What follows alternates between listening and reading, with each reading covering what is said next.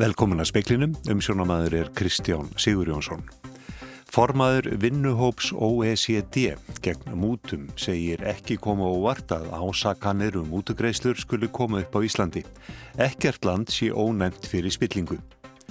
Ríkistjórnin ræðir á fundi sínum á morgun aðgerið til að reyna að koma í vekk fyrir að samherjamálið endur tæki sig. 140 miljardar króna tap íbúðalánarsjóðs vegna ákvarðana sem teknar voru árunum 2003 til 4 gæti fallið á ríkisjóð á næstu áratugum. Fyrverandi ráð þeirra í Breitlandi sakar alþjóðafyrirtæki, banka og ríkistjóðnir um að stuðla því að opinberi sjóðir í Suður Afríku séu rændir. Sjúklingar sem greiti fyrir svokölluð S-merkli frá júni byrjun og fram í nógumfer eiga rétt á endugreislu, segir férlag aðtunuregnenda og breytar eru flestir sammálu um að sjónvarsviðtal Andrisa Prins hefði verið mistök á hans hálfu en hvort viðtali dregu dilko eftir sér er enn óljúst. Drago Kós, formaður vinnuhóps efnahags- og framfarastofnunarinnar OECD gegn mútum, segir að samhýrjaskjölinn verði prófsteitn á getu íslenskra laurugliðivalda. Formleg laurugluransókn mun hafa hafist þegar uppljóstarinn Jóhannes Stefánsson mætti í skýstutöku hjá hérasaksóknara sama dag og þáttur kveiks var sendur út í síðustu viku. Drago Kors segir mestu áskorarinnar með rannsóknuna að máli tegi sig yfir landamæri og því þurfi að vinna með namibískum yðurvöldum og svo þurfi að sanna hver vissi hvað og hver ásetningurinn var. Hann segir ekki koma óvart að ásaganir um mútugreislir komu upp á Íslandi. Öll lönd glými við sín vandamál. Það myndi koma óvart ef tilværi land þar sem ekki finnist eitt einasta alþjóðlegt mútumál. No, all countries have its own problems. Uh, I would really be surprised if we would have a country which there would not be one single case of international bribery. Þetta var Drago Kors, nánaverður rættið hann í sjómansfréttum klukkan 7. Ríkistjórnin ætlar að fara yfir þá að fundi sínum á morgun hvernig hægt er að standa betur að laga og regluverki til að reyna að koma í veg fyrir að samherjamálið endur þekki sig. Á ríkistjórnafundi á fyrstu dag voru kynntar aðgerir til að herða á skatta eftirliti. Katrín Jakobsdóttir forsætisir á þeirra greindi frá þessu í svari við fyrirspurn Loga Einarssonar formanns samfélkingarinnar undir dagskraliðnum óundirbúnar fyrirspurnir á alþingi í dag. Logi spurði Katrínu út í ummæli Bjarnar Benediktssonar fjármála og efnahagsráðara um samherjaskjölinn. Logi las upp ummælinn sem höfðuru eftir Bjarnar á vef Breskablaðsins Guardian um að rót vandans væri spilt og veikt stjórnkerfi í Namibíu. Lógi vildi heyra viðbröð Katinar við þessum ummælum Bjarnar. Ég ósk eftir að heyra hver viðbröð hæstis fósetseraðura eru við þeim sjónamiðum að meintar mútur sé fyrst og fremst namibíumönnum sjálfum að kenna. Er hún sammála hæstvirtum fjármálaráðura? Hefur fósetseraðura ekki áhyggjur af því að ráð þeirra í ríkistjórninar byrtist umheiminum með þessi viðhorf? Sæði Lógi Einarsson. Katrín svaraði spurningunni ekki beint en sæði þetta. Að minni hálfu er það algjörlega ljóst og ég tala fyrir hönd ríkistjórnarinnar allar í þessu máli það verða ekki liðin lögbrot og það verður farið yfir lagaraman sömu leiðis hvort að einhverjar ástæðu séu til úrbæta. Saði Katrín Jakobsdóttir og alþingi Jón Hákon Haldorsson tók saman. Róar Östby, yfirmaður peningatvætti stildar norska stórbankans DNB, sagði upp störfum í haust eftir að hafa starfað yfir dildinni í fimm ár. Norski bankin hætti viðskiptum við Samherja í fyrra vegna hætti á peningaþætti en Samherji hafði millifært 9,1 miljard króna inn á reikning á Marsjál-eigum. Stundin greinir frá þessu í dag á samt norska miðlinum dagans neringslíf. Norskir miðlar tengja starfslokin við Samherjamálið. Talsmaðbankans segir það hins vegar ekki rétt. Bankin hafi færið í skiplarsbreytingar og Ösby hafi sagt upp störfum sjálfur. Nánar er sagt frá málunu á rúf.is.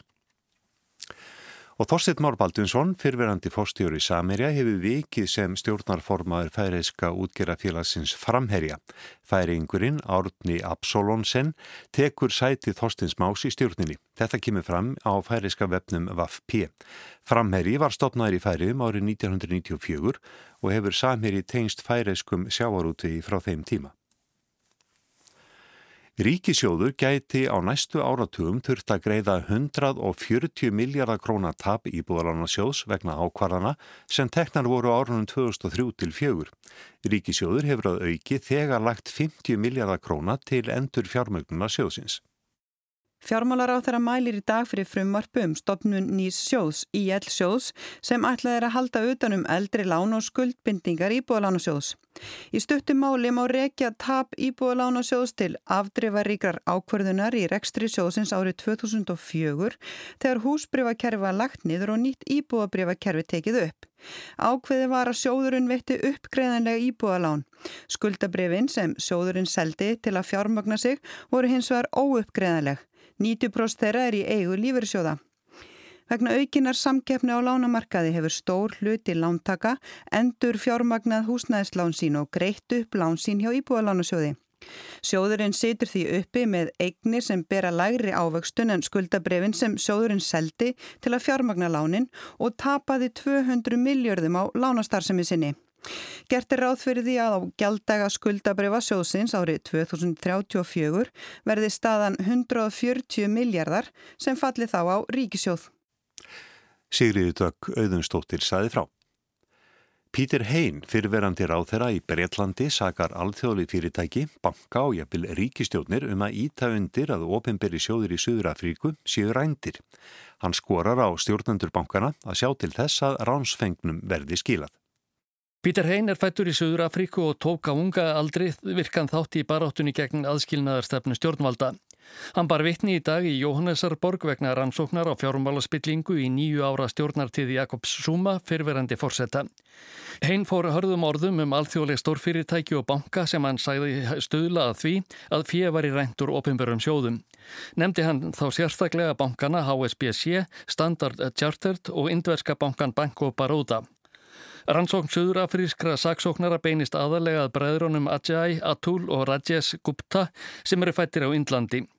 Fjármálaráðunni til bandaríkjana setti þá í síðasta mánuði á lista yfir harðsfýraða fjárglefra menn, kyrsetti eigur þeirra og sakaði þá um að hafa beitt mútum til að ræna fjö úr ofinbörum sjóðum í Suður Afríku. Einn sagði að stjórnvöld Erlendra ríkjan hefðu jafnvel átt þátt í fjárglefrónum. Þrátt fyrir að guptabræður væru komnir á svartan lista gætu þeir enþá opnað bankareikninga mögulega til að millifæra illafengið fjö. Hann skoraði á stjórnendur bankana að aðstóða Suður Afrikur menn við að endur heimta fjöð og sömuleiðis indversk stjórnvöld að stöðla því að skila fjö sem bræðurnir hefðu komið fyrir þar í landi. Ásker Tómasson saði frá. Sjúklingar sem greittu fyrir svokvölluð S-mert lið frá 1. júni til 7. november eiga rétt á endugreislu, sangkvæmt frettatilkynningu félags atvinnureikenda. Í einhverjum tilaukum séum að ræða kostnað upp á 20.000 króna. S-mert lif eru nótuð annars vegar við meðferð gegn lúna, slaga eða hátþristingi og hins vegar til að draga úr ógleði og uppkastum. Lifin eru mert með S-i þar sem þau krefjast sérfræði þekkingar og aðkomi helbriðstarfsfólks bæði vegna gjafar og eftirlits með sjúklingi eða lifi. Samkvæmt reglugerðum er ekki heimilt að láta sjúklinga bera kostna vegna þessara livja en einhvað síður ákvaða livjagreðslu nefnd að gera það í sumar. Félag atvinnureikanda sendi þá bref til helbriðsraðanautisins og og gerði miklar aðtjóðasemtir við ákvörðunina.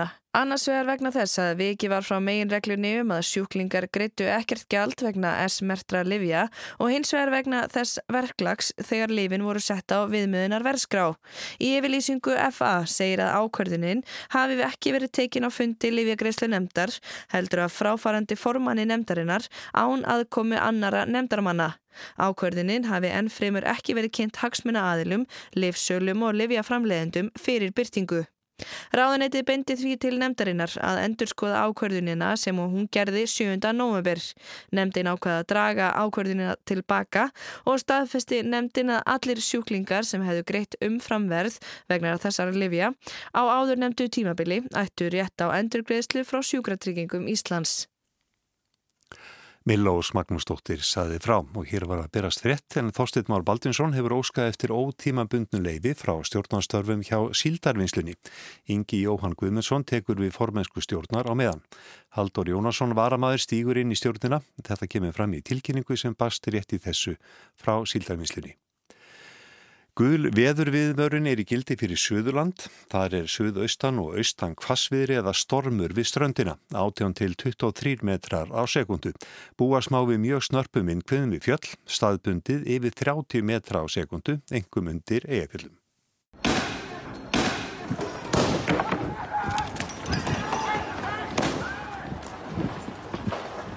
Harka hefur fæst í mótmælin í Hong Kong. Þau hóist í júni þegar stjórnvöld höfðu sleggja fram lagafrumvarp um að heimilt væri að framselja borgara í Hong Kong til Kína ef þeir hefðu gest brotleir við lög þar í landi. Eftir kröftu mótmæli dróðu stjórnvöld frumvarpi tilbaka en mótmælin hættu ekki. Á bakvið þau var viðtækari líðræðisleg krafa. Þau voru lengi velbundin við helgar en í þessu mánuði hafa þau færst yfir á virka daga. Mótmælendur sem sumir hverjir eru mjög herskáir hafa lokað götum. Komið hefur til hardra átaka og likja margir sárir. Og nú eru mestu átökin við háskóla í borginni, engum tækniháskólan. Þar hafa nefnendur og aðrir lagt undir sig skólabygginguna. Lauruglan hefur brugðið á það ráð að loka útkomuleiðum af skólalúðinni og þeir sem er að komast í burtu eru umsviðalaust handteknir. Helga Björk Jónsdóttir býr í Hongkong og hefur fylst með átökunum síðan þau byrjuði í sumar. Það hefur verið hálfgeft umsátus ástand í kringum nokkur háskólasæði í Hongkong og tækniháskólinn það hefur verið setið um hann núna af lauruglu frá því í morgun og byrjaði í raun og veru í gær og samkvæmt þetta formanni nefndafélagspolíur en það um það byrjið 500 nefndur á háskólasæðinu. Það gæti verið að svo tala hafi farið eitthvað minkandi núna með kvöldinu en það virðist sem að lauruglan sé búin að loka öllum útgöngulegum þannig að fólk kemst ekkert út nýja inn af háskólusvæðinu og þeir nefndur sem koma út um eh, eitt ákveðsvæði þeir eru í raun og veru umsögulist handteknir. Og tilhörni stjórnanda háskólans til viðræðu lauruglu hafa ekki búið árangur. Það er tölur sem ég verið að heyra er að það er talum um það byrjum 50 manns að vera handtekinn í dag við tæknaháskólan en þetta er þá ekki allt nefnendur til samanbúra þá frá upphafi mótmálna hafa um það byrjum 4000 manns verið handekinn þó ég reikninga sér ekki alveg með að allir hafi verið kerfir þannig að háskólanum eru er ennþá fastur að neini. Ég var að hóra á fréttu núna á þann og maður sé hérna fóreldra sem er að það nefnda fyrir utan sko og maður sé það bara að fólk er mikla ágjörð börnum sínum þannig fyrir innan. Helga segir að mótmælendur séu ekki einsleitur hópur, ungt fólk er í meiri hluta en það er misjaflega herskátt. Ég myndi segja að þetta er mikið til ungd fólk en það eru líka fólk sem er miðaldra, eldra fólk og, og þetta er svona ákveðin bara þesskurður af þjóðfélaginu. Það eru þetta eins og í mörgum mótmæla þá eru þetta alltaf til fólk sem er tilbúið til að ganga lengra en aðris og það eru þetta sá hópar sem að heyrist mest í og er kannski mest sagt frá líka. Finnst fólki almennt viðbröð stjórnvaldi eða viðbröð lauruglu vera of harkalig? Það fyrir eftir í hvert úr spyrð. Þjóðfélagirna skiptir svolítið í tvær fylkingar, þú veist annarkort meðamóti og átökmillir almennra borgara hefur einnig fæst í aukana undarfarnar tvær vikur. Það er stiktra í reyðina og það er minni þólumæði fyrir skoðanaskiptum. Ég hef tilfinninguna að það er afskaplega lítið rými fyrir meðalveg og málamílanis. Helga segir erfitt að segja til um hvort á þá hvenar stjórnvöldi í Kína skipti sér af með hernar í hlutun. Þau reyna að forðast það í lengstu lög. Þetta byrjaði með því að það var lagt til frum vart þannig að það væri hægt að framselja fólk sem að hafði þó kannski framið einhverja glæpi í Kína til Kína þótt að væri hérna í Hongkong. Þetta er orðið miklu starf en það. Það er búið að draga þetta frumvart tilbaka en hinnar kröfunar snúst í raun og um að það verði sett á fót nefn til að rannsaka valdbyttinguleguruglu. Það er líka verið að krefast þess að mótmannendur séu ekki skilgrindi sem upplýsnaþekkir að því að þeir sem að verða handtæknir og eru sóttið til sakast þeir geta átt yfir höfðu sér tíu ára fangilsistum. En ég myndi segja að undirót alls er það að vera að byggja um útíkun á líðræðsleiri almennri kostningu bæði til þingsins og landstjórans en sem stendur þá kjósa Hongkongbúar bara um helming þingmanna og landstjórn er kosin óbytni kostningu af 1200 eh, manna nefnd í raun og veru. Þannig að það er ómöld að vita hvernig þetta endar. Það getur enginn sagt til um það en strategían hjá stjórnvöldum hérna hefur svolítið verið að býða og sjá en eftir því sem að tíminn líður þá bara verður fólk reyðara og er tilbúinara til að ganga lengra þannig að nú bara spurning hversu langt þetta fer. Milli 20 og 30 Íslandingar búa í Hong Kong. Þeir fylgjast vel með hver öðrum en Helga segir að átökinn séu ekki komin á það stig að þeim finnist þeir verið í hættu. Það eina sem er í raun og veru hættulegt eða gæti verið hættulegt er að maður lendir á milli. Það sem við hefum gert er að maður verður bara að forðast þau svæði þar sem eru mótmæli í gangi og fara um leiðum að sér að laurugla mætir á svæði. Þannig að það er oft mótmæli en þar til að laurugla mætir á svæði þá myndi ég ekki meta stöðuna sem hættulega.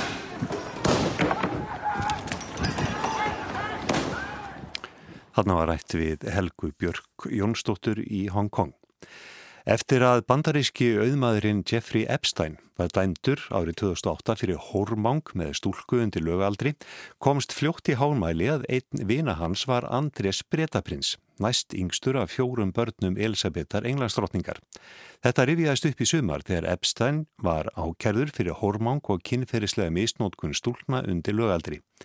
Epstein lést í fangelsi í ágúst er hann tælinn hafa fyrirfæri sér.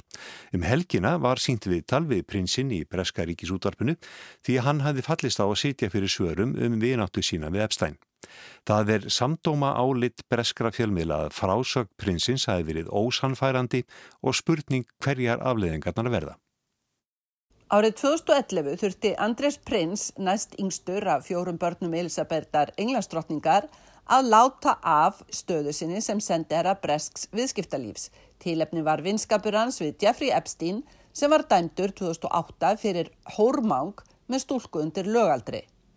En svo síðdeisblöðin hafa rivjað kyrfilega upp í kjölfar viðtals prinsins við frettakonu BBC Emily Maitlis um þennan vinskap á prinsin að baki langan feril í skemmtarnalífinu Fjærri siðsamlegu yfirbræði móður sinnar. Þessi upprifjun var meðal annars svar við fullurðingum prinsins í viðtalinu um að hann hefði nú aldrei verið mikið út á lífinu.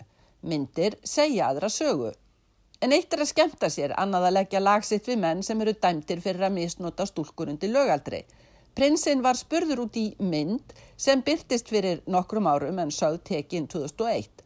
Á henni heldur prinsinn utanum unga stúlku Virginíu Roberts. Hún hefur sagt að hún hafi sængað oftar en einu sinni hjá prinsinum að fyrirmælum Epstein og lagskonu hans Ghislaine Maxwell sem uppaflega kynnti prinsinn og Epstein. Prinsinn saðist í viðtalinu ekki mun eftir Roberts, myndi ekki eftir að hafa hitt hana, ekki að myndin hefði tekin, en jú, hann þekkti sjálfan sig á myndinni. You've seen the photo. I've seen the photograph. How do you explain that? I can't. Because I don't, I have no, I, again, I have absolutely no memory of that photograph ever being taken. Do you recognise yourself in oh, the photo? yeah, it's pretty difficult not to recognise yourself. Prinsinn kom með ímsar sérhæðar skýringar á því af hverju saga Roberts stæðist ekki. Það stæðist ekki annaði svitnað þegar þau dansuðu eins og hún sagði. Á þessum tíma hefði hann ekki geta svitnað eftir áfall í Falklands eigastriðinu. Aftur fjölmiðlar þykjast geta sínt myndir af hannum sem gangi þvert á þessa staðhafingu.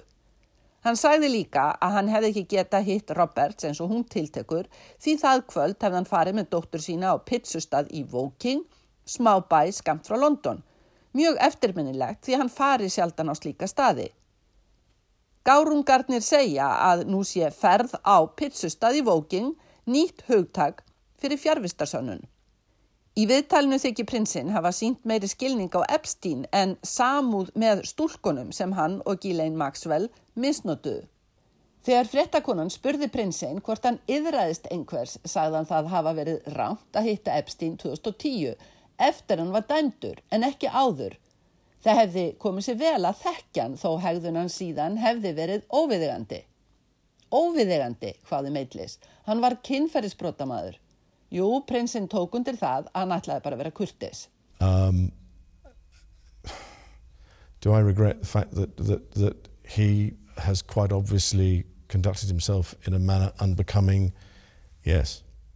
Unbecoming? He was a sex offender? Yeah, I'm sorry, I'm being polite, in the sense that he was a sex offender. Prinsinn var spurður hvort máli hefði skemmt fyrir drottningunni og drottningafjölskyldunni. Nei, hann þvert tók fyrir það, en þetta hefði skemmt fyrir honum. I don't believe it's been damaging to uh, the Queen at all. Has to me.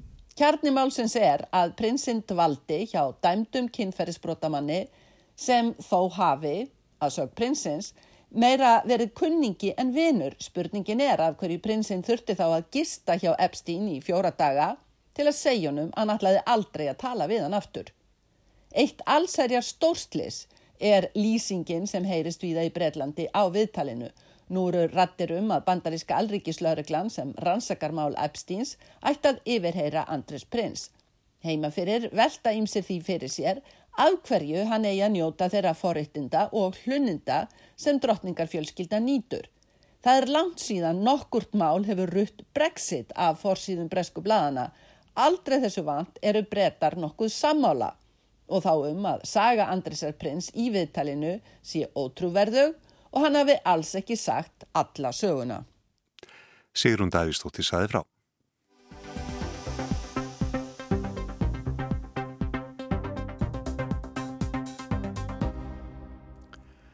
Framreikningar á losun gróðurhúsaloftegunda sína 19% samdrátt fram til ársins 2030.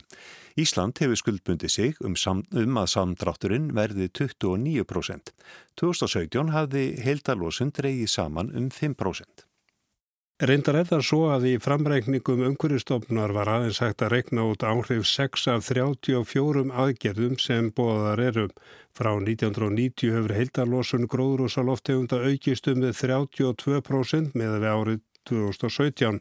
Losun vegna samgangna hefur aukist um 85% á þessum tíma. Þar vega fólksbílar þingst. Losun þeirra var 26% 2005 en rauk upp í 34% 2017. Spurningin er hvort þessar staðarindir séu ekki áfællistómur yfir stjórnveldum að ná ekki betri árangri. Ég held í rauninni að við séum fyrst núna að komast á þann stað að við getum farið að sjá árangurinn eða þessi stað. Segir Elva Rakel Jónsdóttir sérfræðingur á sviði lofslagsmála og græns samfélags hjá ungurustofnun. Undarfarin ár hafi farið í að undirbúa aðgerði sem núna séu að koma til framkvæmda. Umræð og meðvitund í samfélaginu hafi aukist umtalsvert sem sé nöysilegt samfara ákvörnatöku í lofslagsmálum. Aðgerðaflinn lofslagsmálum er auðvitað levandi plagg. Um, við erum auðvitað að núna reyna að taka ákvarðanir uh, jafnóðum sem við erum að, að stóla á að muni færa okkur samþrátt í lósun. Nú er stefnan að ná markmiðum Parísasangumulagsins samtráttur í lofslagsmálum sem stjórnvölda bera ábyrða ám á að vera orðin 29% 2030 með við árið 2005. Fyrir utan þetta er meðal annars stóriðjan og mittilandaflögið. En það er ekki nýtt að það þurfi að draga úr losun. Síðari hluti Kyoto samkomulagsins rennur út á næsta ári og ljóst er að Íslenska ríkið verður að kaupa losunarheimildir til að standa við gefi lofórð. Já, það er alveg rétt og ég held að sem ég alveg óhætt að fullera það að við sváum öll aldrei á verðinum hérna til að byrja með. Og ég held að í rauninni flest löndi í Európu hafi svolítið gert það og, og, og kannski ekkert síst við. Við erum eitthvað svolítið alveg upp við þessa þjótrú að hér sé allt grænt og vænt og við þurfum í rauninni ekkert að gera því hér sé orkan svo fín og, og hérna allt, öll mengun og allt blæs bara hát Þannig að það þurfti held ég svolítið svona sko upp, al okkur svolítið upp í þessari umræðu um það að okkar lífstíl, okkar neyslumunstur og okkar neyslumagn er að hafa verulega áhrif. Ísland eh, þarf að gera Európursambundur grein fyrir árangur í lofslagsmálu vegna þess að við erum í samflóti með öðrum Evrópulöndum. Ísland þarf líka sína framreikninga um fyrir sjálegan árangur.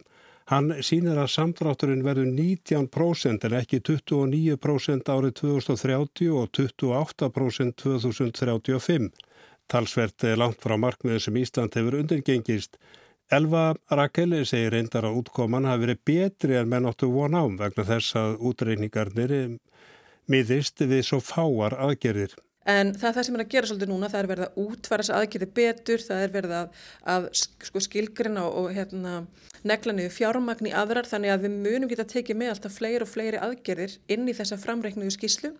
Hún verður líka við svo litið lifandi plagg, við munum skilinni á tveggjar og fresti og þá sjáum við e, svolítið jafn óðum, eru við að taka réttar ákvarnir, eru þessar aðgerðir sem við erum að skuldbund ykkur í munu þar skil okkur árangri og vissulega þær sem við gátum metið núna og sem voru komar á stað skiluð okkur klárlega ekki nógu miklu. Þannig að það er, um, þú veist, það síndi líka svolítið alvarleikan í, í stöðunni. Við þurfum virsilega að, að skuldbunda okkur sjálf í þetta verkefni og, og hella okkur í það á heilum huga. Nýjustu tölur um raunverulegan samdrátt eru frá árinu 2017 og sem hefur verið skila til ESB og saminuð þjóðana.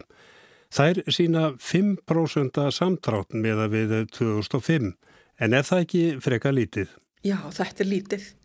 Þetta er ekki mikið.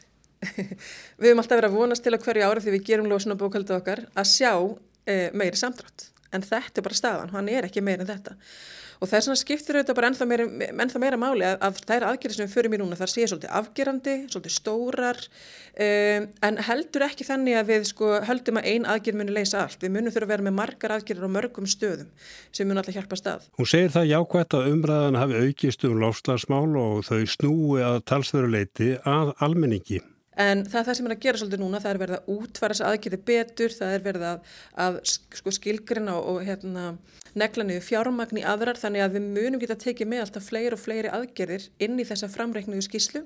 Hún verður líka við svo litið lifandi plagg, við munum skilinni á tveggjar og fresti og þá sjáum við e, svolítið jafn óðum, eru við að taka réttar ákvarnir, eru þessar aðgerðir sem við erum að skuldbund ykkur í munu þar skil okkur árangri og vissulega þær sem við gáttum metið núna og sem voru komar á stað skiluð okkur klárlega ekki nógu miklu. Þannig að það er, um, þú veist, það síndi líka svolítið alvarleikan í, í stöðunni. Við þurfum virsilega að, að skuldbunda okkur sjálf í þetta verkefni og, og hella okkur í það á heilum huga. En hver er heildarmyndin þar sem ekki er viðkomandi stjórnvöldum er svo kallað viðskiptakerfi, EST, í því er meðal annars stóriðjan á millilandaflug. Þar á samdrátturinn í Evrópa vera 43%. Stjórnvöldi í hverju landi bera svo ábyrð á samdrætti heimafyrir í samgöngum og úrgangi svo eitthvað sem nefnd. Elva Rakel vill vera bjassin. Þetta er mjög stort verkefni í ETS-geranum, þar segja í stóriðinu og í flýjunu. E, þegar við erum að horfa á það sem eru skuldbindingar Íslands þá er það eitthvað sem við vitum að við getum í mörgum tilfellum gert eitthvað við, við þurfum bara að gera það. E, við vitum svolítið leiðina ákað, allavega í mörgum gerum. Uh, aðrir eru erfiðari, til dæmis landbúnaður og annað þar sem eru, menn á svolítið eftir að, hérna, að koma inn með, með svolítið skýrar og góða lausnir en í ETS-inu að þar virðist staðan vera þannig að tækni nýjungar séu ekkert endilega komður á þann stað í dag að hægt séu að fara að tala um það að breyta út og uppfara kerfin sem myndi því það minni lósun þannig að um, þessi fyrirtæki eru öll svolítið svona í sama bátstödd hvað það varðar að þeirra viðskipta heimildir sem þau þurfa að kaupa gagvert sagt, til að mótsið þessa lósun er að vera dýrari mjög hratt, það vera dýrari, dýrari bara með hverju árunu. Um, þannig að um leið þá skapast þetta sko kvati fyrir þau til að fara fjárfesta þá raunverulega í þessum nýjingum og þessum tekning og atriðum og slíku. Um, þannig að ég held að uh, það er svona, svona óvissa framundan hjá þessum aðlum með það hvernig þér ætlir raunverulega að gera þetta. Svo er uh, verið að vinna og tala mjög mikið um í, í lögjöfinni varði það hvort að hvað eigi að leifa um, þegar kemur að því að, að, að, að binda á móti eða dæla niður eða hvernig við gerum það og það er öruglega geiri sem áttur að þróskast hrætt á næstu árum myndi ég halda. Þetta var Elva Rakel Jónsdóttir hjá Ungverfistofnun, Arnar Páll Haugsson talaði við hana. Það var helst í speklinum í kvöld að formaður vinnuhóps OECD gegn mútum segir ekki koma óvart að ásakanir um mútugreislur skulu koma upp á Íslandi. Ekkert land sé ónæmt fyrir spillingu. Ríkistjórnin ræðir á fundi sínum á morgun aðgerið til að reyna að komi vekk fyrir að samherjamálið endur tæki sig. Róar Östby, yfir maður peningaþvættistildar norska stórbankans DNB, sagði upp störfum í haust eftir að hafa starfaði við dildinni í fimm ár. Þorstein Mór Baldvinsson, fyrverandi forstjóri Samerja, hefur óskað eftir ótímabundun leifi frá stjórnarstörfum hjá síldarvinslunni og hefur vikið sem stjórnarformaði færiska útgera félagsins framherja. 140 miljardar krónar tap í búðalánasjós vegna ákvarðana sem teknar voru árunum 2003 til 2004 gætu fallið á ríkisjóð á næstu árum. Fyrirverandi ráþeiri Breitlandi sakar alþjóðafyrirtæki, banka og ríkistjóðnir um að stuðla því að ofinberi sjóðir í Suður Afríku séu rændir. Það er gul veður viðvörun í gildi fyrir Suðurland. Það er suðaustan og austan kvassviðri eða stormið við ströndina, 18 til 23 metrar á sekundu. Búast það við mjög, má við mjög snörpum vindkvöðum við fjöll, staðbundið yfir 30 metrar á sekundu, engum undir eigafjöllum.